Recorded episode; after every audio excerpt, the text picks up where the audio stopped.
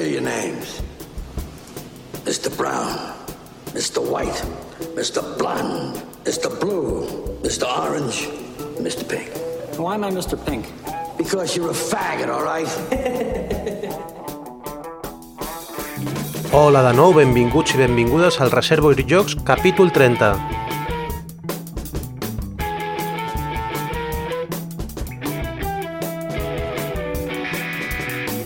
Us recordem que estem a reservojocs.cat, eh, una web redissenyada amb un disseny bastant atractiu on podeu trobar tot el que gravem, ja sigui mm, capítols llargs, capítols de llarga durada com el Reservoir Jocs, que són tots aquells que comencen amb les lletres RJ, i també les seccions que gravem a, a Ràdio Sant Andreu, que són les Descobrint Jocs i que comencen per DJ. Lògicament també ens podeu trobar a Twitter, Facebook i Google+.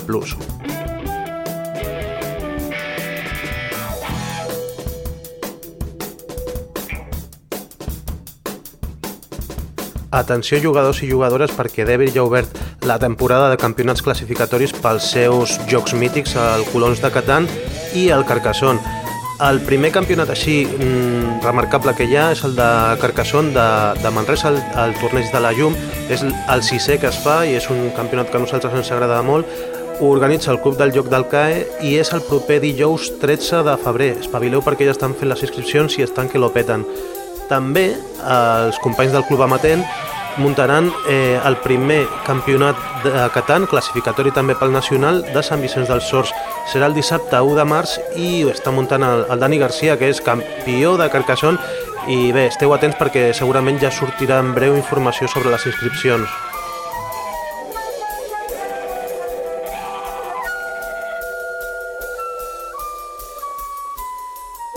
Us començo a cantar el menú del dia que tenim per aquest Reservo els Jocs, episodi 30. Comencem amb el minut 5, amb un, amb un àudio que ens va passar al Gurney de, del podcast eh, Dies de Juego. És un àudio que es va enregistrar el diumenge de, del Festival d'Au Barcelona i és l'àudio de presentació de, dels jocs Victus. Dic els jocs perquè són dos, el joc de tauler eh, de Toni Serra de Sant Fern i el joc de cartes que fa l'Oriol Comas és un àudio que, en el que parla també el Quim Dorca, l'editor de Devir, i es expliquen bastant una mica el procés de creació de tots dos jocs i és molt interessant. Després passem ja al minut 30, on bueno, últimament s'està reivindicant la poesia i nosaltres li hem donat cabuda al nostre podcast i tenim una poesia que també la lliguem molt amb, amb el tema Victus i amb el tema del tricentenari i el moment i és eh, ara mateix de Martí Pol recitat per la Sílvia Bell, una poesia que va recitar a rac i que l'hem recuperat perquè val, val la pena, crec. Després, al 34, la Neida va anar a la botiga Sigurat Jocs de Castelldefels a fer-li una entrevista al Carles Alarcón, el seu propietari, i Sigurat Jocs és un dels patrocinadors del podcast i, i bueno, ens agrada sempre, sobretot si és gener, preguntar-los com ha anat eh, tot l'any i la, la campanya de Nadal i tot això, i és això del que parlem amb, amb el Carles i també ens fa unes recomanacions lúdiques molt interessants. Passem al minut 42 i mig, on tenim eh, el Jordi Nadal des de Hongria amb la seva secció Lost in Translation número 3 i eh, després al 56-30 Tenim a l'Alfred Garcia, un dels altres patrocinadors, eh, aquest és un dels eh, propietaris de la botiga Jugar per Jugar de Barcelona. Ens centrem molt en, en una iniciativa que han tingut, que és la del calendari lúdic. Eh, encara segurament esteu a temps de, de poder aconseguir aquest calendari lúdic exclusiu de la botiga i també ens expliquen altres maneres que tenen de, de col·laborar amb l'associació benèfica Ajudar Jugando. Finalment, al minut 68 ja acabem amb un cover de Radiohead, d'aquest grup mític. Eh, és un cover de la, de la seva cançó Creep i està fet per, per un grup que es diu Caja Fresca. És un cover en clau jazzística i espero que us agradi molt.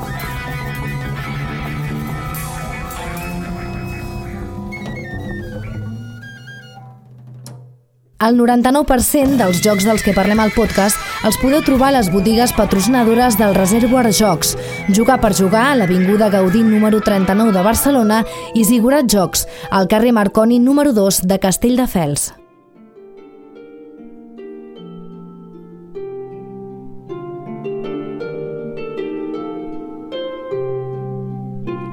Com havíem dit, eh, comencem amb l'àudio de de presentació oficial de, dels Jocs de Victus per càrrec de Debir que van fer al Festival d'Au Barcelona.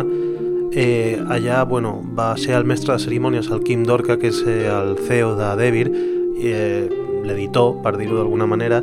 I també hi havia el Toni Serra de Sant Ferm que és el que l'autor que, el que li van fer l'encàrrec del, del joc més llarg, del joc aquest més, eh, més durillo, i després també hi havia l'Oriol Comas que també té un encàrrec d'un joc més familiar tal com explica en el següent àudio. És curiós el tema de, de que el Toni va, va utilitzar l'Excel per, bueno, per fer el disseny i explica bastants detalls de, del seu procés creatiu.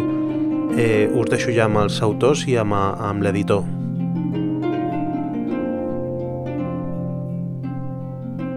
Hola i gràcies per venir en aquest uh, sideshow o spin-off de la gran marató d'Scrabble que hem organitzat aquí a Barcelona. Eh? Uh, bueno, estem aquí per parlar de, del projecte Victus amb els dos autors dels dos jocs que estem fent. Uh, a mi, el que no em conegui, sóc el Quim Dorca, sóc l'editor de, de Devir, que un dia de la primavera passada, després, just abans just abans de Sant Jordi va rebre una trucada, primer de l'Oriol i després de, de l'Isabel Martí, de l'editora de, del, del Sánchez Pinyol, del Victus, preguntant-nos si estaríem eh, interessats en fer l'adaptació en forma de joc de la novel·la de l'Albert. Eh, evidentment, nosaltres com, com a companyia hem fet algunes experiències de fer coses sota llicència, Uh, per una banda amb companyies estrangeres, les quals sempre han anat bé, i per altra amb companyies uh, espanyoles o i alguna catalana que sempre han anat malament. Nosaltres hem fet coses amb el Capitán la Triste, hem fet coses amb Águila Roja i sempre és un desastre perquè aquí les coses aquestes sota llicència es fan amb el cul perquè no hi ha professionalitat. És llarg d'explicar. Però tan bon punt ens van trucar per si volien fer els jocs de Victus, els vam contestar que no, perquè ja, ja, ja havíem estat en aquestes coses i no volíem tornar-nos a embolicar a fer jocs sobre una marca que tothom pretesament pensaria que vendrien molts i després la cosa és que resulta que no es ven tant i que és molt difícil de fer un fine-tuning perquè la cosa funcioni, etc etc etc. Els vam dir que no i els vam posar unes condicions duríssimes en termes de, de royalty, en termes de bestreta, en termes, tots els termes professionals que es fan per fer una cosa d'aquestes, perquè ens diguessin que no. Però ens van dir que sí. This thing happened. Aleshores vam tenir un problema. I m'allargaré una miqueta per, per explicar-vos el problema que es té quan, quan com a companyia que fa jocs reps una promesa de negoci d'aquest tipus, no? Són una cosa que és molt coneguda, que hi ha molta gent que s'estima, que hi ha molta gent que li ha agradat molt, però que se, se l'estima i l'ha agradat molt per mil raons diferents. La primera cosa que et planteges és dir, eh, dels actors de Virtus o de la gent eh, que, que, que sent certa que se sent atreta per la, per la marca o, per, o pel fenomen, quins d'ells jugaran o quins d'ells es gastaran quartos i temps per o bé comprar el llibre, ai, o bé comprar el joc o bé jugar-lo. Què n'esperarien? Quines coses eh, del llibre i de, i de l'ambientació i de tot això podem, tot això és previ a saber quin autor agafes per fer-ho o sigui, tot això és una cosa que planteges com a editor no? hòstia, això, això és un joc de 10 euros això és un joc de 20 euros de 20 euros, de 60, és el setge, és tota la novel·la, és les relacions internes dels personatges. La gent que llegeix el llibre i, és, i se suposa que farà l'esforç de comprar un joc i jugar-lo, perquè nosaltres no fem jocs per no ser jugats, nosaltres fem jocs perquè es juguin. Hi ha altres companyies que fan jocs perquè siguin regalats només. Aquest és un problema del Victus que s'incabria dins d'aquelles coses que hi haurà gent que el comprarà i no el jugarà. És possible. Però si la Isabel Martí de la Campana hagués volgut una companyia que fes això, s'hagués anat a qualsevol altra de les companyies tradicionals que vosaltres teniu al cap, que són els que agafen qualsevol referent, li carden un parxís, o li carden un risc, o li carden tal, li canvien els dibuixets i ja està. No? Doncs nosaltres no, no és que no sapiguem fer-ho, és que no tenim la potència de distribució, la potència de màrqueting televisiu i tal com per treure'n profit de fer aquesta estafa. Nos vam identificar dos possibles compradors de Victus. Un que està disposat a donar una oportunitat a una cosa que el posa així, eh, sí, perquè m'agrada el llibre i tal, Pàtria, Catalunya, no sé què, i juguem en família i veiem què tal, que suposo que gent que no està acostumada a gastar-se masses quartos amb un, amb un joc, perquè doncs, doncs, compren un joc cada 5 anys i coses d'aquestes, però que, bueno, que ha gent tan, tan, tan vàlida com qualsevol altra, però nosaltres volem ampliar eh, quan més millor la gent que jugui. Però això és un perfil de comprador i de mecànica i de profunditat de, de complexitat i de duració, etc que havíem de fer un joc que fos repetible, un joc que fos simpàtic, que provingués de mecàniques més o menys conegudes o intuïdes per la gent d'una manera natural, eh, i que tingués un format que com més s'apropés al llibre, millor. Clar, això és una cosa que dius, bueno, doncs és un joc de menys de 20 euros, o aproximadament de 20 euros, o del preu del llibre, podem el format més o menys del llibre, però això frustraria tota aquella gent que és jugadora de natural i un cop llegit el llibre, jo no llegeixo ficció, però vaig haver de llegir el llibre dues vegades abans de passar el briefing, perquè, per això, i el llibre, bueno, doncs suposo que hi ha molta gent que si és jugadora i ha llegit el llibre, doncs voldrà reproduir el que és el setge i voldrà reproduir el que són l'última tercera part del llibre. Per tant, ens veiem eh, abocats ha fet dues coses absolutament diferents. Un joc popular familiar inspirat amb l'ambientació, els personatges, etc. I una altra cosa que és el que volíem nosaltres, i és el que vol l'Albert Sánchez Pinyol, perquè amb ell hem estat treballant molt la definició de quin era el producte. Ell és gamer, no, bueno, ell diu que és gamer, és bastant jugador, val? Uh, però ell em venia, no, no, un joc per dos jugadors i com vagi fent les trinxeres i l'altre imitant-les i tal, i molt bé, vale, doncs jo quan faci la novel·la també vindré a explicar-te-la, no? O sigui, no ens expliquis el joc, sinó que deixem que nosaltres fem el que tal. Diu, va entendre, i em diu, bueno, doncs hem de buscar dos perfils d'autor, un que ens pugui donar una cosa pim-pam-pam de mecànica eh, clàssica i innovadora però amb, amb molta clica, clocada d'ull a el que és el llibre i un altre que ens dongui una obra magna fotuda que jo pugui exportar encara que els americans no hagin llegit Victus. És a dir, que sigui un joc per se xungo, a dos.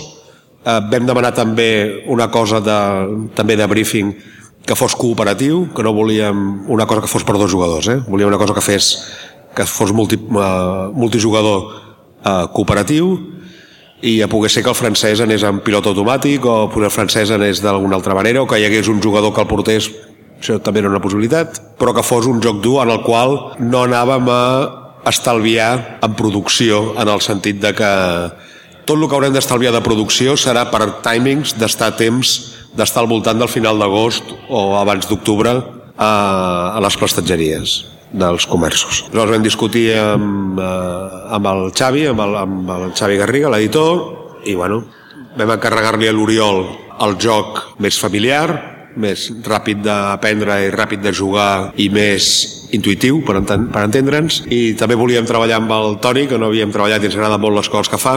Aviam si a part de jocs bons i clars, nets, senzills, directes era capaç de fer una sopa de, de caldo gordo i xungo quasi per putejar no? i aleshores eh, els dos eh, van dir que sí i hasta aquí puedo leer. Aleshores, jo quasi que passaria amb ells com han enfocat la història. Penseu que nosaltres, quan ens vam reunir... Hi ha una cosa que vull explicar perquè a petit comitè ho discutim i no podem mai traslladar-ho a la gent que us agrada tot això. No? Els jocs inspirats en llicència, abans me n'enfotia una mica del que es fa normalment, però és que fer-lo altre és molt difícil. O sigui, perfilar aquelles parts de la novel·la o de la llicència o de l'ambientació susceptibles de ser traslladades a un joc i que coincideixi la mecànica, la duració i la dificultat amb el perfil de la gent que se sentirà atreta per aquelles coses tretes del, de la novel·la no és senzill. És a dir, de la línia del Senyor dels Anells i del Hobbit i tal s'han fet bastants jocs, uns fantàstics, uns altres bons i uns altres no tan reeixits. Els fantàstics, que per mi són el del llibre del Senyor dels Anells i el War of the Ring del Nepitel, o sigui, un Nietzsche i un Nepitelo magi, és que, hòstia, els tios van trobar exactament aquelles mecàniques eh, empàtiques de, de la gent que li agrada la llicència trasladades en el taulell un en l'ambient cooperatiu dels hobbits pocholinos que van a destruir ell i l'altre amb l'èpica de les batalles asimètriques entre, entre Mordor i, i els bons no? Uh, i això és una cosa que hem discutit molt i que jo crec que tots dos han copsat molt bé i ja callo i, i desaparezco para sempre d'esta pantalla. Però si a cas que parli el Toni perquè a última hora ensenyarem una mica que hi ha també il·lustracions teves i tal. Hola, bona tarda.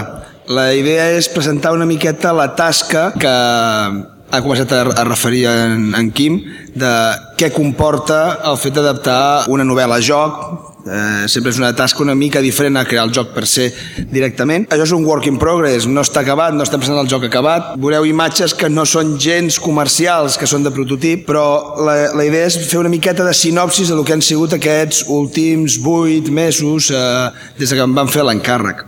A la primera reunió va quedar molt clar set punts que va marcar eh, De Beer a l'hora d'afrontar aquest eh, joc més rigorós, més històric, més llarg, més realista, que havia de contemplar tot el setge, no a l'11 de setembre, sinó des del començament del setge fins al final, que correspon, com ha dit ell, a l'últim terç de la novel·la, que havia de ser semi-col·laboratiu. Els jugadors tots havien de ser barcelonesos, havien d'estar en el mateix bàndol, però al final un ho havia d'acabar fent més bé que els altres. S'havia de decidir quin d'ells guanyava la, la partida, però tots havien de guanyar. Si perdien, perdien tots. Com es guanyava quan es perdia? Em van deixar molt clar, i recordo la frase, Barcelona no pot guanyar. És a dir, és a dir en cap moment es va buscar un wargame en el qual la, les decisions militars salvessin Barcelona. No anàvem a buscar el que no va passar Barcelona acaba caient. El que han d'aconseguir els jugadors és que no caigui abans d'hora, igualar la gesta de la resistència de la població de Barcelona fins a l'11 de setembre, que es marca amb el que és el final de la partida. Un altre, eh, que no fos un joc excessivament dur, podríem dir una cosa semifamiliar, assequible per a algú no molt jugadora, però tampoc una cosa molt lleugera. A un rang de temps al voltant de 90 minuts, dos, quatre jugadors i que fos de taulell, no un joc de cartes o de daus. Curiosament, d'aquella primera reunió ja em van venir dues idees que s'han mantingut en el cos del joc des de llavors. Una era que, bé, els jugadors són els barcelonesos, però ells mouran els francesos. I segona, com ho faran? Doncs amb un sistema de motor de cartes. És a dir, jo jugo una carta que em vagi bé a mi, però aquella carta també farà moure els que jo no vull que es moguin, però els que es mouen, es mouen igualment, que són els francesos. El primer que s'ha de fer, i suposo que és el que vaig fer, és llegir-me el llibre dos vegades. el llibre me l'havia llegit, vaig sortint de la reunió, me'l vaig anar a comprar i me'l vaig llegir dos vegades. Per què l'has de llegir? Primer per conèixer, la segona per dir si acceptes o no acceptes, i no vaig acabar abans de dir que l'acceptava el projecte, i llavors comença la fase de concepció, la fase en què li comences a donar voltes com enfoques el, el joc. Aquí em vaig trobar amb dos problemes. Partint del que jo volia fer, tenia dos grans dubtes, que era, molt bé, com es mouen els francesos, si els francesos no els porta ningú, les tropes franceses com es mouen, és un joc lineal o és un joc en dos dimensions? I segon, no vaig a destripar el joc, però hi ha una de les fases històriques de, del setge a Barcelona, que és l'expedició a Catalunya, que va ser un projecte totalment fallit de, de Barcelona, que van treure tropes de Barcelona per anar a buscar reforços i a sobre van perdre les que van sortir de Barcelona. Llavors, això em, em suposava el problema de dir com introdueixo una, una regla en el joc que sé que està condemnada al fracàs. Bueno, doncs fent que hi hagi un tant per cent elevat de possibilitats de que fracassi, però hi hagi alguna possibilitat que els jugadors aquesta sí que l'aconsegueixin fer bé o treure'n alguna part de profit. L'altre aspecte dit el, el tema del moviment. Aquest també vaig tirar, va ser dur. Van ser dos, tres mesos donant-li voltes i al final aquest Excel va ser el format que em va venir a provar si la idea funcionava, que és el moviment de les tropes. Si heu jugat o vist el mapa d'Andor, de Devir també, sabeu que de cada casella surt una fletxeta que porta a una altra casella i que això marca el moviment de les tropes malignes. Aquí anem a fer-ho en, doble, en doble moviment, de manera que d'una casella surten dos fletxes, dos colors diferents, de manera que hi ha un sistema que quan les tropes es mouen no saps ben bé cap a quin color van. I aquest Excel em va servir per comprovar quins efectes tenia aquest moviment. Quins efectes tenen? Doncs que les tropes franceses sortint de diferents punts al voltant de Barcelona, que és el setge, es mouen semierràticament i a més tendeixen a agrupar-se i crear pols d'amenaça directa contra diferents punts quan s'acosten cap a la, la muralla de la ciutat. El segon, una vegada vaig tenir això eh, enllestit, ja vaig poder començar amb el motor de cartes, amb les cartes. El problema va ser com ho afrontava i vaig tornar-me a llegir el terç del llibre i en un altre full d'Excel ah, bueno, aquí veieu el primer mapa que es va fer veieu aquestes rodones verdes de cada roda verda surt una línia groga i vermella que és segons el que toqui cap a quina posició s'aniran movent les tropes franceses quan van avançant. Això aquests numerets del mig, això és Barcelona. Aquí és on estan els nostres humanets que s'han de defensar i veus que van venint però no saps cap on tenien exactament. Ho intueixes però no pots tenir una certesa. Com deia després va ser eh, el tema de, de les cartes i això va haver de començar a llegir una altra vegada el terç final del llibre i a cada frase o tros de paràgraf que creia que es podia convertir en un efecte de carta, introduïa el text en una casella. Això em va, em va venir a portar 686 possibles cartes, jo en volia 120, Llavors va ser agafar aquests 686 trossos de text i traduir-los en un efecte possible en el joc. Això ja m'ho va solucionar bastant més. Es van quedar en 336 cartes. Ja ens anàvem acostant a les 120. De 336 a 120 la, la cosa va ser simplement intentar ajuntar efectes fins que realment vaig arribar a 150 i d'aquí no hi ha hagut nassos de baixar a 120.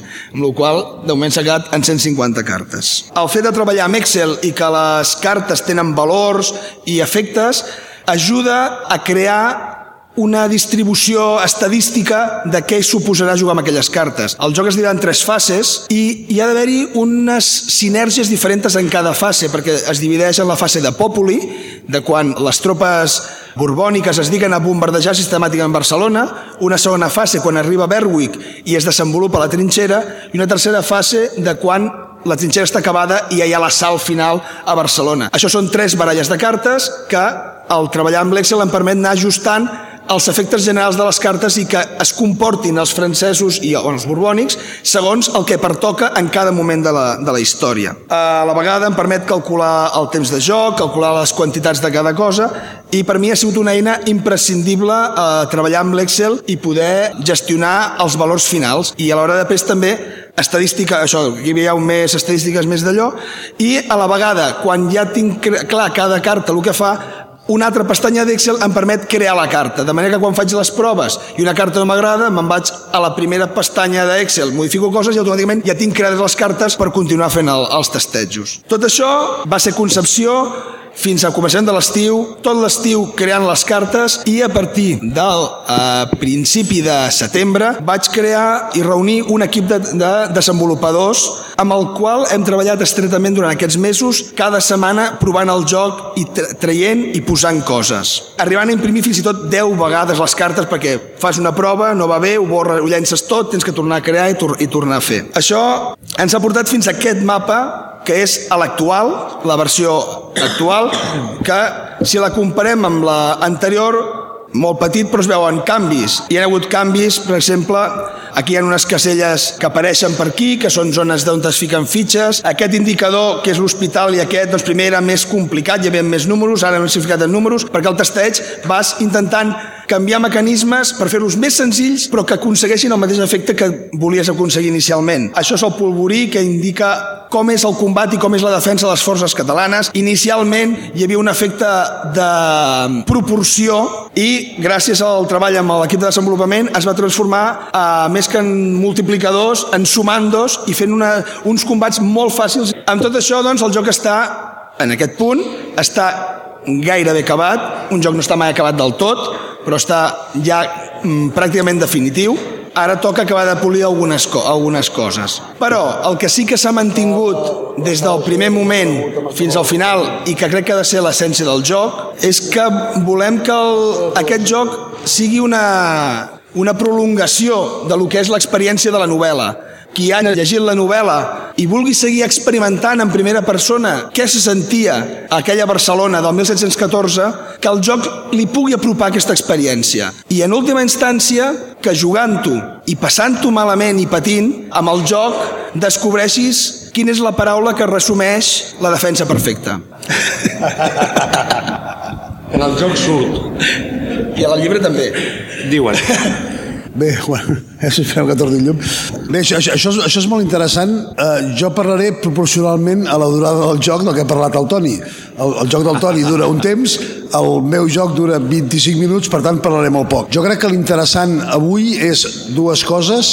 Una, el que ha explicat en, en, Joaquim, en Joaquim Dorca, el, el treball que han fet ells perquè Victus pogués tenir una adaptació a joc, el, el, com ho van pensar ells i com arribar a que havien de fer dos jocs i la segona cosa que era interessant del que estem dient és que acabeu de veure una manera molt científica de plantejar un joc i ara jo us explicaré la meva que no és gens científica. Una de les coses que a mi em, em, em va sobtar de Victus, jo a diferència del Toni havia llegit el, el llibre abans, jo també l'he llegit dues vegades, no, l'he llegit una vegada i l'he estudiat una segona vegada. La primera vegada, quan el vaig llegir, vaig dir aquí dintre hi ha, hi ha un joc i la segona vegada senzillament l'he estudiat. Doncs bé, el, el, el joc que he fet no, no, no, no us l'explicaré no us l'explicaré tot, però és un joc de cartes. El briefing que em, em van fer, em van fer de Vir va ser no ens facis gastar molts quartos. Veritat. És, és a dir, és un joc familiar, per tant, un joc familiar, un joc casual, és un joc que té un, un determinat preu i, per tant, no hi posis minis, no hi posis, no hi posis, i això és, és, també és una manera de pensar un joc. El joc finalment té tres baralles, per tant 165 cartes, i hem volgut que el joc expliqui una mica la ment torturada del Zubiria. Si heu llegit la novel·la, Zubiria és un heroi i antiheroi a la vegada, és un home que lluita pel que creu però que té molts dubtes que li fan fer coses que ell pensaria que no hauria de fer però les fa, i per tant podríem dir que el joc Victus, el joc de cartes, és un joc una mica sobre la confiança. És un joc per 3 a 5 jugadors, amb la versió que més ens agrada a 5 jugadors, amb què Victus, eh, perdó, Zubiria, juga amb Villarroel contra els dolents. Els dolents són els que són, Werwick, Van, Van Verboom i Populi, però amb un problema. Tothom sap a la partida qui és Zubiria, però ningú sap qui són els altres. Cadascú sap qui és ell, però ningú sap qui és Villarroel, que és qui ajudarà a Zubiria a guanyar el, els dolents. Pel joc hi passen l'ambientació de la novel·la i per tant hi passen per un costat els objectes de l'època, hi passa la, la coronela, hi passen com anaven vestits, hi passa com vivien i a costat hi passen tots els esdeveniments de la tercera part de, de la novel·la.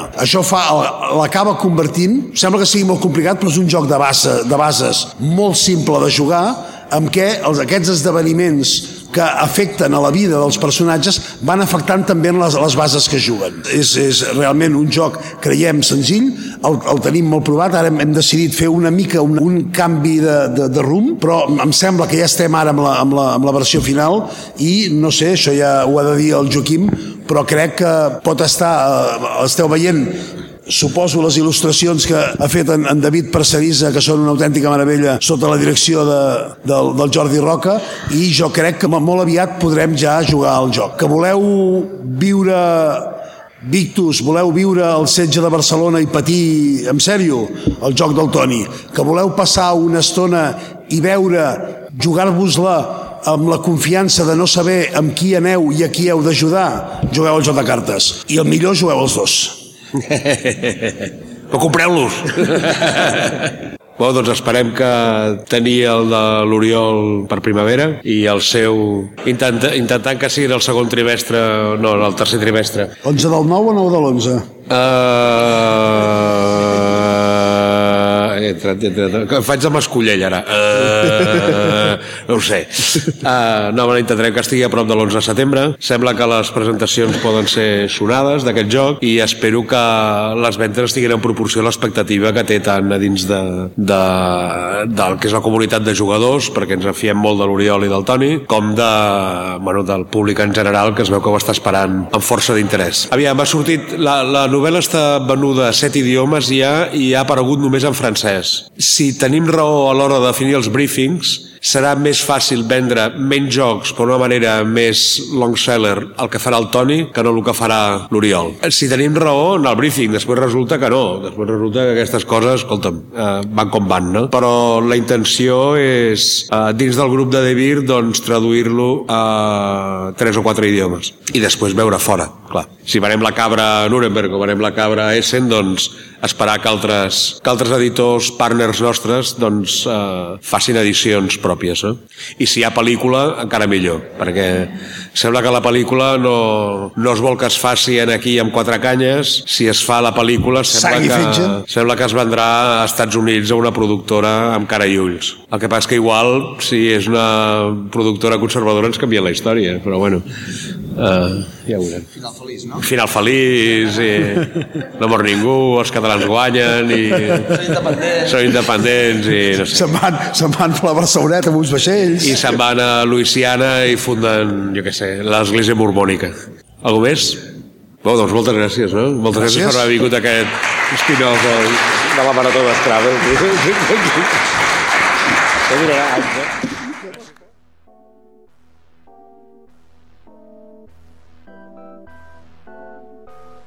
Bé, ja heu vist que l'ambient era molt bo, amb brometa i tal, a la presentació de Victus, a Dau Barcelona, i em fa gràcia això que deia el Quim Dorca de l'spin-off de la Marató d'Scrabble, i és que a mi em va passar una cosa que estava a l'off i van venir uns càmeres i estaven allà eren càmeres, no sé si eren freelance o alguna cosa, però venien per, a, per gravar per algun mitjà i venien a gravar el tema de, de la marató d'Scrabble i els hi vaig fer veure que a la taula del costat tenien el Toni Serra de Sant Ferm amb alguns altres testers, hi havia el Xavi Carrascosa i tal, que estaven provant el joc de tauler del Victus.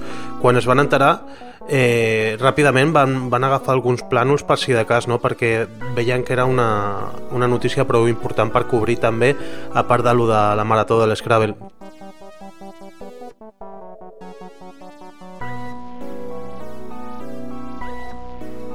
I ara enllaçant amb el tema Victus també i fent cas una mica al Pere Pau que a les 24 hores de- de Sabadell reivindicava la poesia eh, posarem un, un poema aquí al Reservoir Jocs i és que és un poema que a mi m'encanta recitat per la Sílvia Bell eh, ho va fer a rac al, al món a rac al programa del Jordi Basté. És un poema que es diu ara mateix i, i bueno, eh, té molt a veure en aquest moment amb aquest context que, que estem vivint aquí a Catalunya i bueno, per tancar eh, el tema Victus crec que val molt la pena sentir-ho és un poema de Martí i Pol i, i bé, us deixo perquè posa la pell de gallina i crec que val molt la pena, en sèrio. Ara mateix enfilo aquesta agulla amb el fil d'un propòsit que no dic i em poso a pedaçar. Cap dels prodigis que anunciaven taumaturgs insignes no s'ha complert. I els anys passen de pressa. De res a poc. I sempre amb vent de cara. Quin llarg camí d'angoixa i de silencis. I som on som. Més val saber-ho i dir-ho. I assentar els peus en terra i proclamar-nos hereus d'un temps de dubtes i renúncies en què els sorolls ofeguen les paraules i amb molts miralls mig estrafem la vida.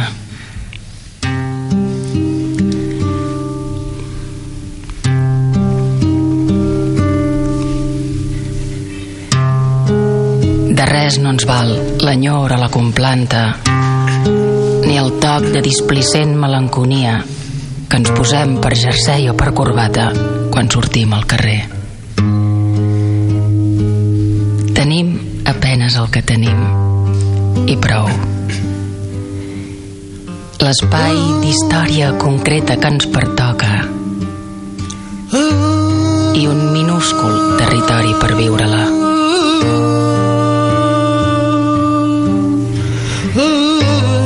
Posem-nos d'en peus altra vegada i que se senti la veu de tots solemnement i clara.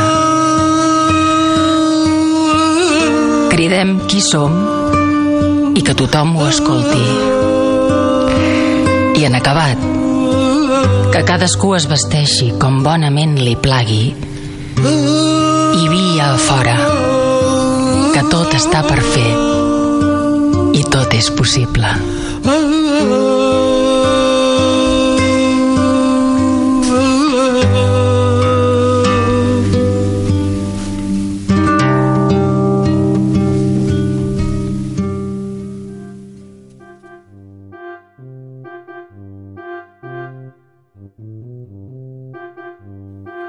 Passada la campanya de Nadal vam tenir la idea de, de visitar les nostres botigues patrocinadores per veure com els hi havia anat la campanya, què s'havia venut més i també quines activitats eh, s'han proposat fer durant aquest eh, 2014. Ara la Neida eh, va a Sigurat Jocs a entrevistar el Carles Alarcón, propietari d'aquesta botiga, i també a, a demanar-li recomanacions lúdiques que crec que poden ser força interessants.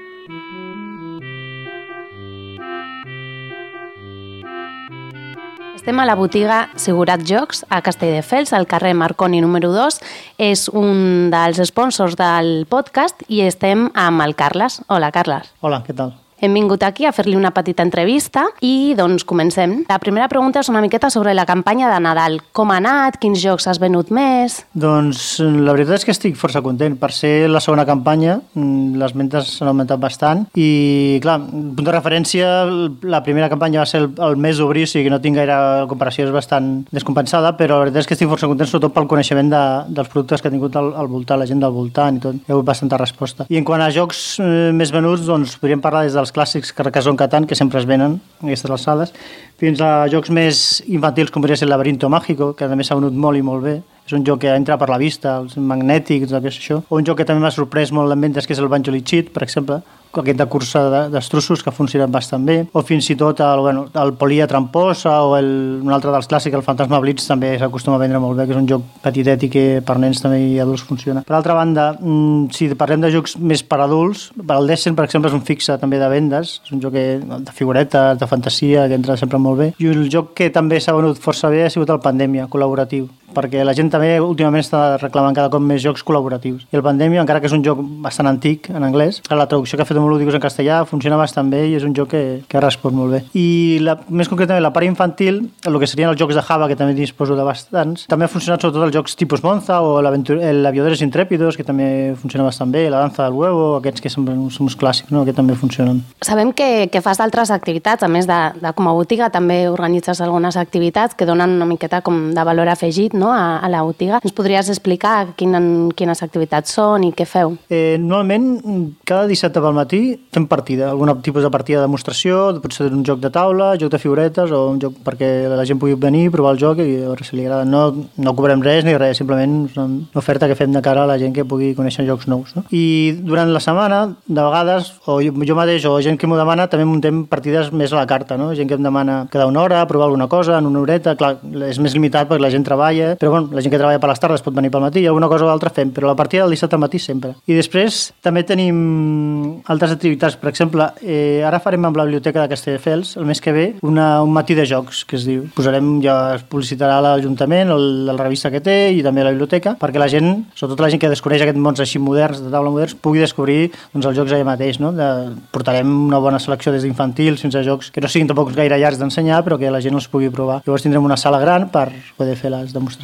És una de les coses que intentem. I una cosa que vull començar a introduir ara, una cosa nova a la botiga, és fer unes petites demostracions de jocs infantils només, perquè les del dissabte matí estan més enfocades a jocs d'adults. I hi ha gent que em pregunta per poder provar jocs d'infantils. Llavors, com tampoc tinc gaire espai, intento doncs, oferir per 4 o 5 nens que puguin venir i provar jocs de Java o del Laberinto Mágico, ja aquests que, que puguin conèixer jocs nous. Molt bé, l'activitat de la biblioteca serà la biblioteca de Castelldefels. I saps dates ja o...? Sí. Eh, L'activitat de la biblioteca de Castelldefels serà el dissabte 15 de febrer, de 11 a du- a 2. També et volíem demanar recomanacions de jocs per nens, per jugar amb amics i també per jugar en parella. Si vols, comencem per nens i nenes. Sí, cap problema.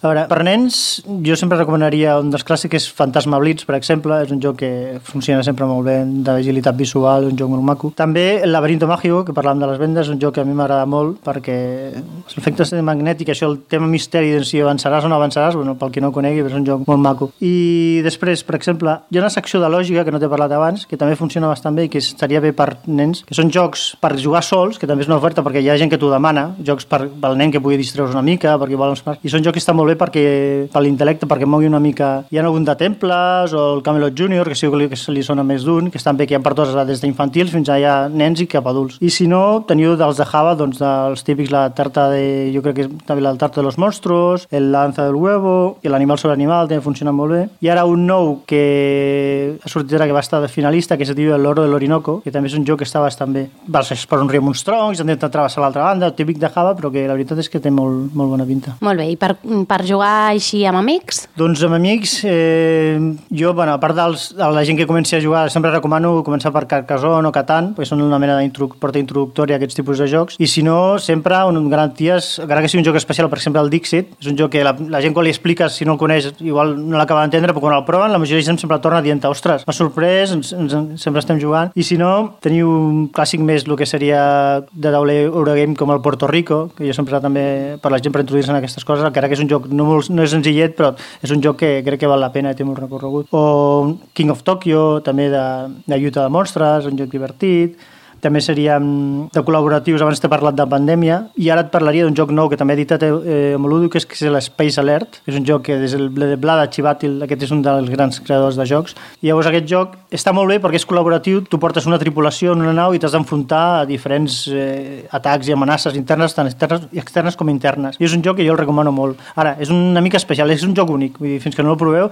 perquè això simula una, una tripulació i tot, és una col·laboratiu però molt forçat, vull dir, que, és, que està molt bé, val la pena. I si no, si a la gent que li agradi les figuretes, jo recomanaria l'X-Wing, perquè la, la Guerra de les Galàxies amb figuretes, que és, és un joc que sorprèn perquè no és gaire... No és, a primera vista sembla que és un joc difícil, no ho és. Quan el proves està molt bé i té, i té bastant recorregut. I si no, ja per la gent que li agradi més els jocs poc amigables que dic jo, d'enfrontar-se uns altres, hi ha l'Espartacus, que és un joc que em va sorprendre molt. Quan vaig veure la caixa vaig dir, ui, passat en una sèrie, així tot sang, sexe i poca cosa, això no, però no, però el joc està molt bé perquè és un joc per adults, això sí, per les cartes i la temàtica, però és un joc que sorprèn perquè combina una fase de cartes de, de molestar-se una a una altra, és bastant, és, és d'intriga en aquest sentit, i una part de combat de l'arena que està molt bé. La veritat és que també ho recomanaria. Molt bé, i per acabar parlem de jocs per parelles, perquè sovint passa, no?, que tenim jocs que són per jugar en grup, però a casa potser som dos, i llavors alguna recomanació per jugar a casa en parella? Sí, ara que em parles, la veritat és que cada cop més està venint més gent buscant jocs per dos, únicament per dos, perquè es troben que tenen jocs per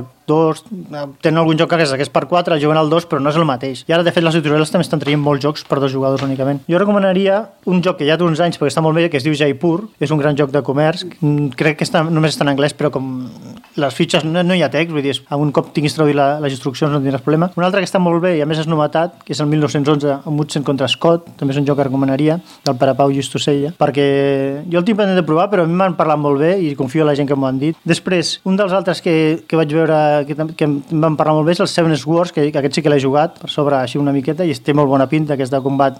Seria com els set samurais, no?, al Japó. Has de defensar un poblat de l'atac dels bandits. També està molt bé. O la Sante, que és un joc de comerç a l'Àfrica, que és molt maco, també les, les cartes i totes les imatges també està molt bé. O si no, un altre dels grans clàssics seria el Mr. Jack. Aquest joc sempre funciona molt bé. Tothom que li recomanes això de la intriga de, del Sherlock Holmes per atrapar el llac destripador, això sempre funciona molt bé. I un altre joc que recomanaria, que és més desconegut perquè és un joc d'importació però que també està molt bé, és l'Onirim. És un joc ambientat al món dels somnis, que es pot jugar sol però també funciona molt bé amb dos jugadors i que la veritat és que sorprèn, perquè és un joc que tampoc té text, és tot imatges així oníriques, jo diu el nom, però que val la pena provar-lo. Si alguna vegada el veieu, a més és petit format i no costa gaire diners. Molt bé, perfecte. Doncs amb l'Onirim acabem aquesta secció. Gràcies, Carles, i fins la propera. Gràcies a vosaltres.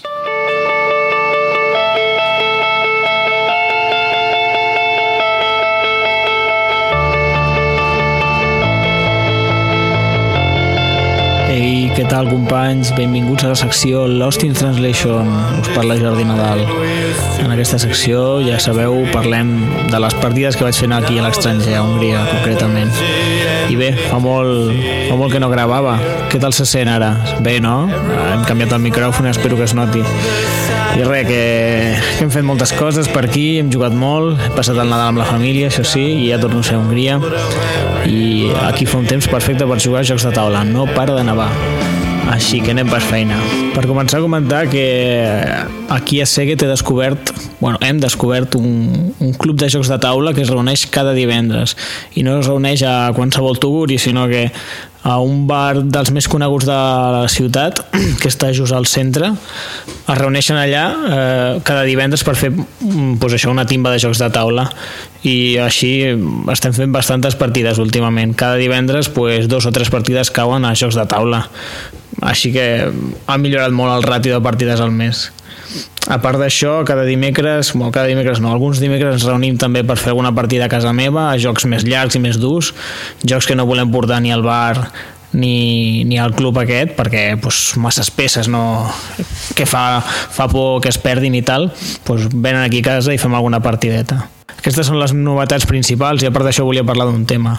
Des de que vaig venir a Hongria mm, he utilitzat bastant una eina per jugar amb els meus amics, que és eh, una pàgina d'internet per jugar a jocs de taula. Eh, la vaig buscar bàsicament perquè mm, per tenir com una excusa per seguir en contacte amb els companys, sobretot amb els companys de joc, sobretot, i, i, bueno, i també per matar alguna estona morta al cap de setmana o abans d'anar al llit pues, podem fer una partida i, i sempre alegrar i res, volia comentar alguns avantatges que té, o sigui, pots jugar amb persones que estan a l'altra punta del món, o sigui, sempre trobes algú per jugar, això és una de les avantatges que té. Uh, a part d'això, doncs pots jugar amb, amb gent coneguda que també no, que no podia jugar d'una altra manera. Al, al meu grup d'amics n'hi ha uns quants que ja estan fora fora de Barcelona i res, ens reunim per l'Skype, quedem tots allà i podem fer una partida cadascú al seu país. I, home, això és una gran avantatge, vulguis o no. No és el mateix que jugar un joc de taula allà tots en comunió a la mateixa casa, però això no ho substituirà mai una màquina, està claríssim, però a falta de pan, pues, pues juguem a, per internet, no hi ha una altra. El problema de, del crear una plataforma per jugar per internet és que es pot especialitzar molt un, una persona jugant a un joc de taula. Per exemple, jo a vegades em toca jugar amb gent que, no sé, potser porta 2.000 o 3.000 partides al Puerto Rico i no sé, quan ja portes 2.000 o 3.000 partides a Puerto Rico doncs ja el, ja el domines bastant i crec que es pot crear com una espècie d'avantatge. I això em va fer pensar que no apreciem una de les gràcies dels jocs de taula, que és comprar un joc de taula amb un grup d'amics i només jugar amb aquell grup d'amics aquell joc de taula. Llavors tots van aprenent a, a l'hora i llavors totes les partides queden bastant equilibrades i mm, és com una evolució del joc amb aquells jugadors. En el moment que un dels amics es posa a jugar a internet i fa centenars o milers de partides, que per, perquè per internet les partides són molt més ràpides, en el moment que això es pot fer, clar, es, es crea un desequilibri que no, que no afavoreix uh, que tothom s'ho passi bé.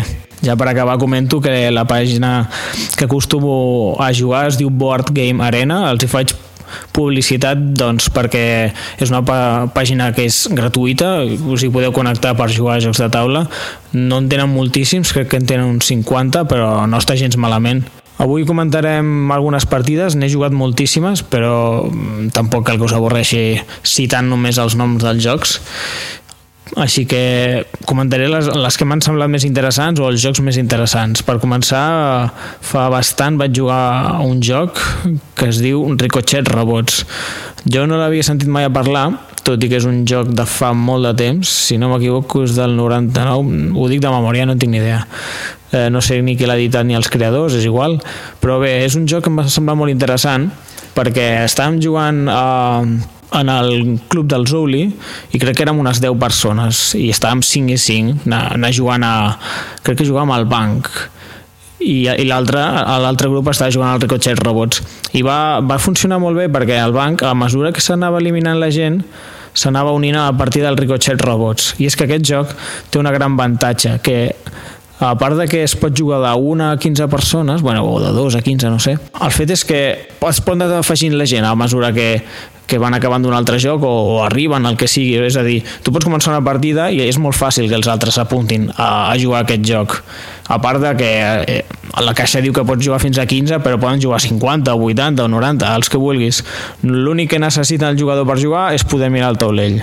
Explico una mica com es juga aquest joc. En aquest joc hi ha un taulell que és una espècie de laberint i hi ha quatre robots. Uh, de cop es diu bueno, es treu una fitxa que indica on ha d'anar un d'aquells robots d'un color uh, a on ha d'anar llavors tothom ha de, ha de pensar mentalment amb quants moviments o com menys millor evidentment pot arribar en aquest punt. Els robots es mouen a línia recta i, i només paren quan troben una paret. És com una espècie d'aquestes aspiradores que, automàtiques que aspiren al terra, doncs el mateix. Sempre van recte fins que troben un, un obstacle, llavors pots fer-lo girar a esquerra o dreta. La gràcia, clar, es comença a jugar, es posa un destí i si hi ha quatre persones, o cinc, o sis, o set, doncs dona igual, tots es posen a pensar a veure en quants moviments com a mínim ho poden fer. En el moment que un jugador eh, ho ha aconseguit, doncs diu 7, 8, 9, el, el número que sigui. I llavors es posa un cronòmetre i tens un minut, crec, per intentar-ho superar. Si no pots superar, es demostra que es pot fer amb aquests moviments i ja i ja es, es dona el punt a aquesta persona, així es va jugant. Evidentment, si, si hi ha gent que s'incorpora tard, tindrà desavantatge perquè ja s'hauran donat uns quants punts però si, eh, si no t'importa guanyar o perdre o, i tal doncs dona igual. Tindràs una petita desavantatge però al cap i a la fi el que compta és que es pot anar acoplant gent a la partida sense cap problema i, i a part que, bueno, jo que estic aquí i, i no tothom parlava anglès vam estar jugant i rient i, però no, no, no feia falta molta comunicació per jugar-hi. Aquest joc, com tot joc també té els seus inconvenients, no és que tot sigui fantàstic. Un dels inconvenients que li vaig trobar és que s'agafa pràctica perquè allà estava jugant el fill del Zoli i és que arrasava suposo que havia jugat molt aquest joc i és un xaval que tindrà 8 anys uh, no, 8, potser. Deu, deu tenir 10, jo és que tinc molt mala vista pels nens. Uh, amb 10 anys el, el xaval ens va arrasar, va arribar dels últims i crec que va fer més punts que la resta. I, i també, doncs, per exemple hi havia una noia que no em va encertar cap, pobra. I és que és això, hi ha gent que se li dona molt bé hi ha gent que se li dona molt malament i a part pots agafar molta pràctica. Llavors és un d'aquests jocs que, que no t'estranyi que el treguis i hi hagi gent que digui aquest joc és que no tinc visió espacial, no m'agrada gens tal, se'm dona fatal i llavors té aquest petit inconvenient. També volia fer una menció ràpida a un joc que vaig jugar, es diu Wizard, sí, Wizard, Wizard que ve a ser mag en anglès, crec, o hechicero o alguna així. Té, té alguna cosa a veure amb la màgia, no estic segur. Eh, doncs això, és un joc que vam jugar el primer dia que vam anar al club dels divendres, al club, al club de jocs dels divendres, perquè us feu una idea, és un, sembla una brisca, és una baralla de cartes amb quatre pals i números de l'1 al 13 i crec que hi ha dos tipus de comodins, comodins que et fa guanyar i comodins que et fan perdre. I bàsicament és de guanyar mans, o sigui, ganar bazas, o com es digui. Eh, amb la gran diferència que el primer torn crec que tens dos cartes i cada ronda tens, et reparteixen una carta més. I has de jugar totes les cartes. La gràcia del joc, o sigui, imagineu-vos una brisca, però que un cop et reparteixen les cartes has de dir, doncs jo guanyaré tres mans, o jo guanyaré quatre mans, les que sigui. I llavors guanyes punts o perds punt depenent si has encertat o no eh, el número que has dit. Clar, i, i evidentment si dius que no guanyaràs cap vale, tant dos punts però no tants com si encertes i dient que guanyaràs 3 o 4 rondes. És un joc molt entretingut eh, vam arribar allà i no coneixem a ningú ens vam posar a jugar amb desconeguts i ens vam riure moltíssim és a dir, va complir molt bé la funció que necessitava que era com crear bon ambient jo no parlava hongarès és a dir, a més estava la barrera de l'idioma i tot i així ens vam riure moltíssim tots vam entendre el joc de seguida. El, el rotllo de les apostes és que és una tonteria, és, és agafar un joc de tota la vida com la brisca però ficar-hi apostes. I no sé, ens ho vam passar molt bé. La...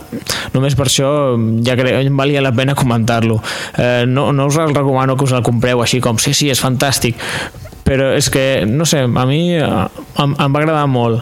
Una cosa dolenta del joc, això sí, és que el disseny gràfic era terrible, terrible, o sigui, primer els dibuixos eren horrorosos, els colors estan molt mal combinats i a més a més tenia un problema molt greu que bueno, jo vaig tenir molts cops és que la carta, el comodín per guanyar una ronda era una Z i el comodín per, prendre una, per perdre una ronda era una espècie d'N. Llavors es confonien molt fàcilment. O sigui, era la mateixa lletra però una mica tombada. Però clar, és que les cartes les vas tirant i les veus a vegades del dret i a vegades del revés.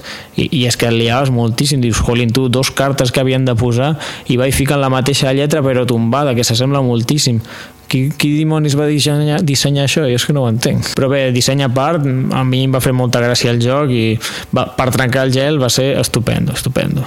Bé, per acabar volia comentar un altre joc, aquest, en aquest cas és un joc hongarès eh, de la sèrie del món Magus. No sé si us en recordeu, Magus és aquell joc de cartes que vaig comentar a l'últim capítol que és com un màgic però versió hongaresa. Doncs vaig jugar un joc basat en el mateix món que es diu el tanto que ve de canto amb el nom. Arnyekahaboru amb quatre accents H, inter, H intercalada i altres coses. Bueno, té un nom estrany li direm Magus joc de taula i, i bé, el, la, la partida en si no em va agradar gaire, el joc el vaig trobar més aviat soso, però m'ha fet gràcia perquè vaig descobrir, arrel de jugar aquest joc, que el tema del joc Magus és una cosa que s'extén molt i que és molt popular. Eh, el fet és que hi ha unes novel·les hongareses d'un escriptor hongarès que són molt populars aquí, tipus Juego de Tronos, eh, no sé, El nombre del viento o El senyor dels anells, o sigui, tenen muntat com tot un món fantàstic i d'aquí hem creat molts jocs de rol, pel que jo sé. També hi ha el joc de cartes que vaig mencionar la setmana passada, bueno, la setmana passada no, farà un mes i pico o dos, però bé, a l'últim capítol eh, i perquè jo sé també hi ha diversos jocs de taula. I vaig poder jugar un. Aquest joc era una espècie de rumi eh, qui no sàpiga què és el rumi que ho busqui al Google. Eh, el rumi s'escriu R-U-M-M-Y em sembla. Una espècie de rumi però en lloc de números i colors eh, em sembla que té, tenia ai, vampirs, soldats mags i, i coses així. Bueno, era un rumi que cada torn sortia un evento que et limitava les opcions. No em va semblar gens original, però em va fer gràcia perquè o sigui, tenen un món muntat bastant interessant. Eh, de fet, em van passar uns mapes com com molt detallat on, on estava creat el món aquest i el joc aquest estava basat en un continent en particular i no sé, em va semblar interessant això a Catalunya, de fet no ho tenim i no sé, jo dono idees així les deixo caure estaria interessant que algú fes una espècie de Juego de Tronos versió catalana. Estaria interessant, sí. Però bé, per la resta, res de l'altre món. Era un joc així bastant senzillet, no, no em va matar. Si vaig sabent més coses sobre el món Magus, que un dia d'aquests us diré el nom ben dit, eh, ja les aniré comentant perquè em sembla interessant. No sé si tots els jocs els està fent a la mateixa persona, però home, és algo així del país i, i que té bastant d'èxit, així que us tindré el corrent. I bé, amics, fins aquí hem arribat. Eh, per acabar, volia proposar, si algú té curiositat per algun joc dels que he jugat, si vol que el comenti o que expliqui alguna cosa, eh, posarem un enllaç o alguna història per, perquè pugueu mirar quins jocs vaig jugant cada dia, bueno, cada setmana, i si, si n'hi ha algun que us sembla interessant m'ho comenteu i el, i el comentaré aquí a, les, a la pròxima secció Lost in Translation. Així que em despedeixo fins la següent secció. Que vagi tot bé. Adeu He's ready to cut the throat of everybody.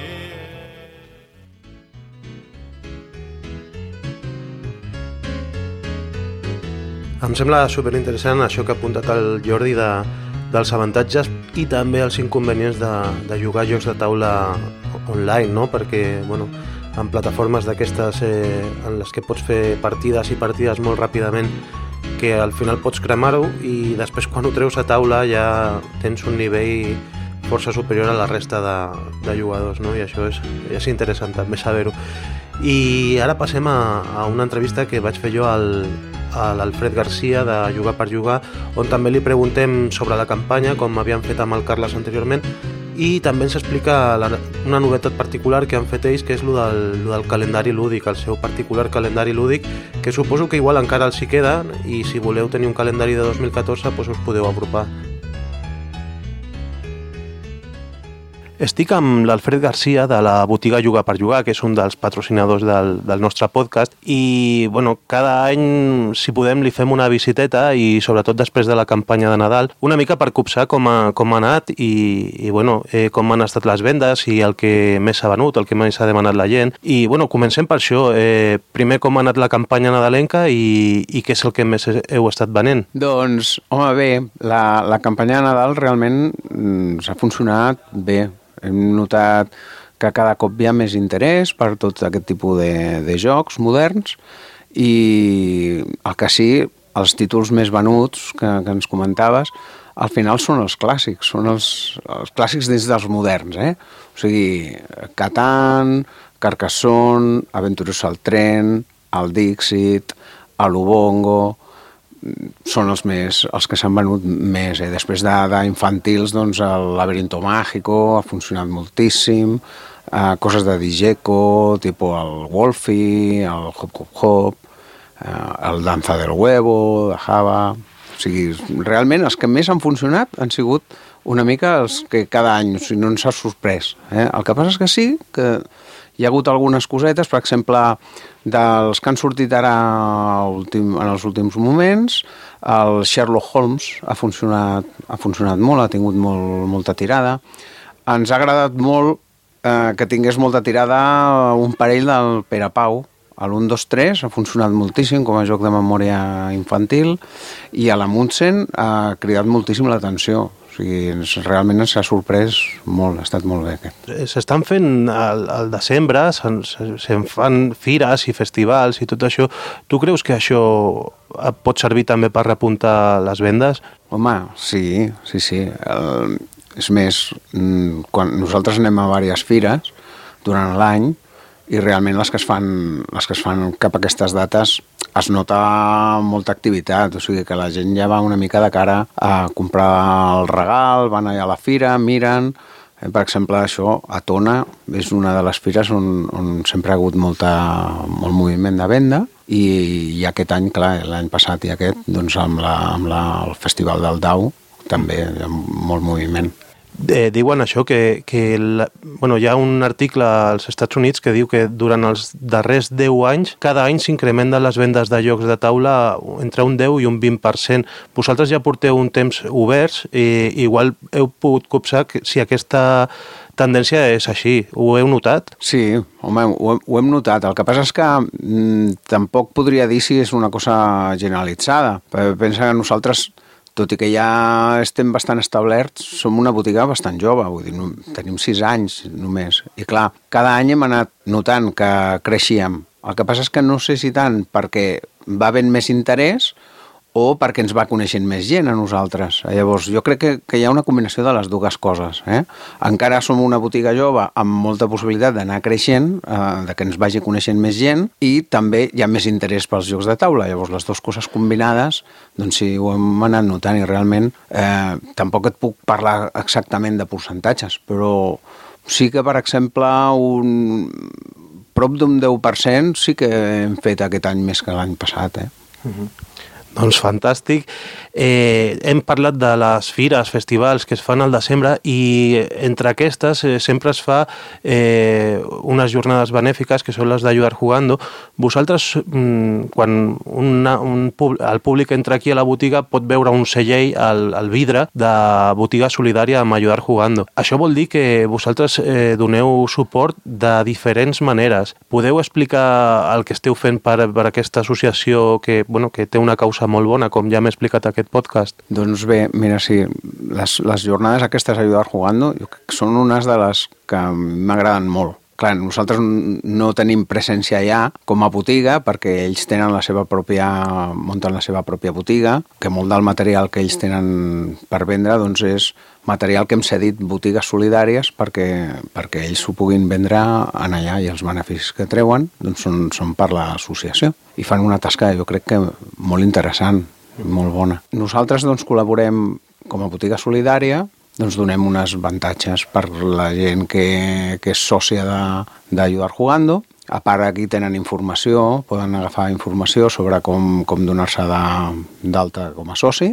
i després doncs, bueno, col·laborem com podem, ja sigui doncs, cedint material per, per les jornades o el que comentaves abans, doncs, això del calendari, el calendari solidari que hem fet aquest any. Doncs mira, ens, ens ha donat aquesta pajarada de, de fer això, un, un calendari doncs, amb, amb 12 imatges relacionades amb els jocs de taula, amb jocs de taula que ens agraden. Eh, a veure, això és, és bastant original. Eh, ho has d'explicar una mica millor, perquè què surt al calendari, la gent que igual es pensa que és el Pirelli, però no.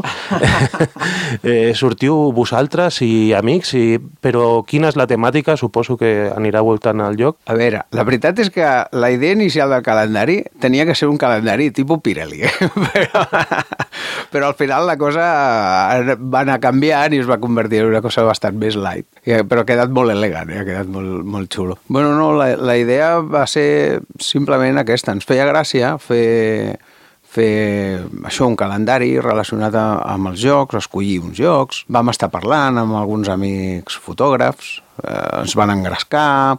La veritat és que ha sigut un procés una mica complicat, perquè teníem un fotògraf, vam començar a treballar, a fer algunes fotos, però aquest noi es va tenir que marxar a treballar fora, es van a treballar a França, amb la qual van perdre mm, la possibilitat de seguir, i després vam tenir la sort de contactar amb un altre amic nostre, que també fa fotografies, molt aficionat, i la veritat és que fa unes fotos molt, molt xules, i li vam explicar la idea i li, li va fer molta gràcia, i ens va dir, doncs mira, cap problema. Llavors ell, ell té com un muntatge així, també una mica amateur, però de, com un estudi, i mm, coneix a molta gent que podia fer com de models. Eh? Mm -hmm i res, doncs mira, vam, li vam dir uns quants jocs i ell va començar a fer-nos propostes de, de possibilitats de fer imatges, d'on anar, de localitzacions i la veritat és que s'ho ha currat molt i, les imatges bueno, han quedat molt espectaculars. No sé si les has vist encara, però...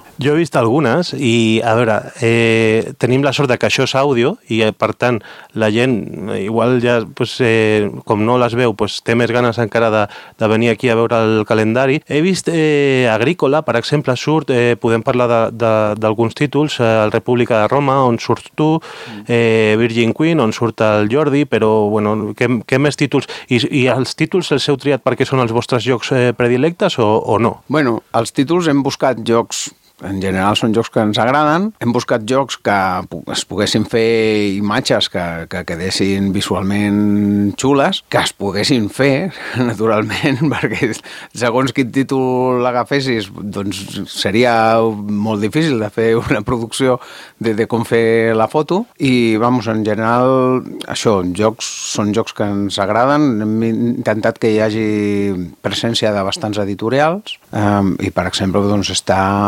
Seven Wonders, està el Banc, el República de Roma, està l'Agrícola, um, està el Senderos de Glòria, que ha quedat xulíssima, està l'Arkham Horror, no sé quin s'he dit ja, jo se m'ha escapat. Bueno. bueno, aquesta és una forma d'ajudar. Vosaltres destineu eh, tota la tot el benefici de, de la venda d'aquest calendari a l'associació Ayudar Jugando, aquí també teniu la, la guardioleta al, al mostrador i, i bueno, doncs això, si, si vols convidar a la gent a que vingui i bueno, pues, eh, dedicar-li unes paraules eh, o per què han de venir a comprar el calendari, eh, endavant. Bueno, simplement això, que el calendari aquest és una forma d'ajudar aquesta associació que els, els beneficis tots s'aniran per, per l'associació Ayudar Jugando. De fet, és, és un calendari ruïnós per nosaltres, eh? O sigui... Però és igual, és igual. La qüestió és, és col·laborar i que realment, si els hi agraden els jocs, tenen l'oportunitat de tenir un, un, un calendari que és únic, que està molt cuidat, que li hem posat molta, molt de carinyo i que surten unes imatges espectaculars. Jo, jo no m'ho pensaria.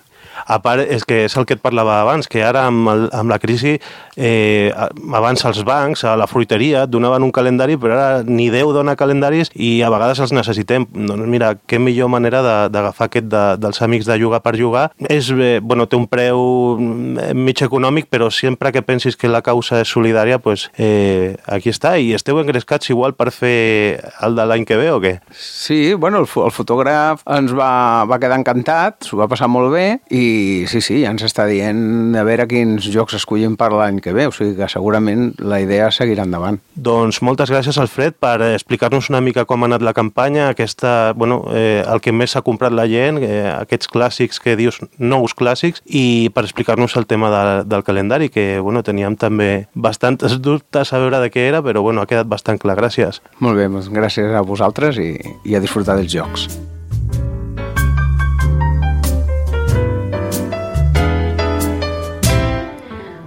Wait. before. Gonna look you in the eye. You're just like an angel. Your skin makes me cry. You flow like a feather and a beautiful wish I was special. You're so fucking special. But I'm a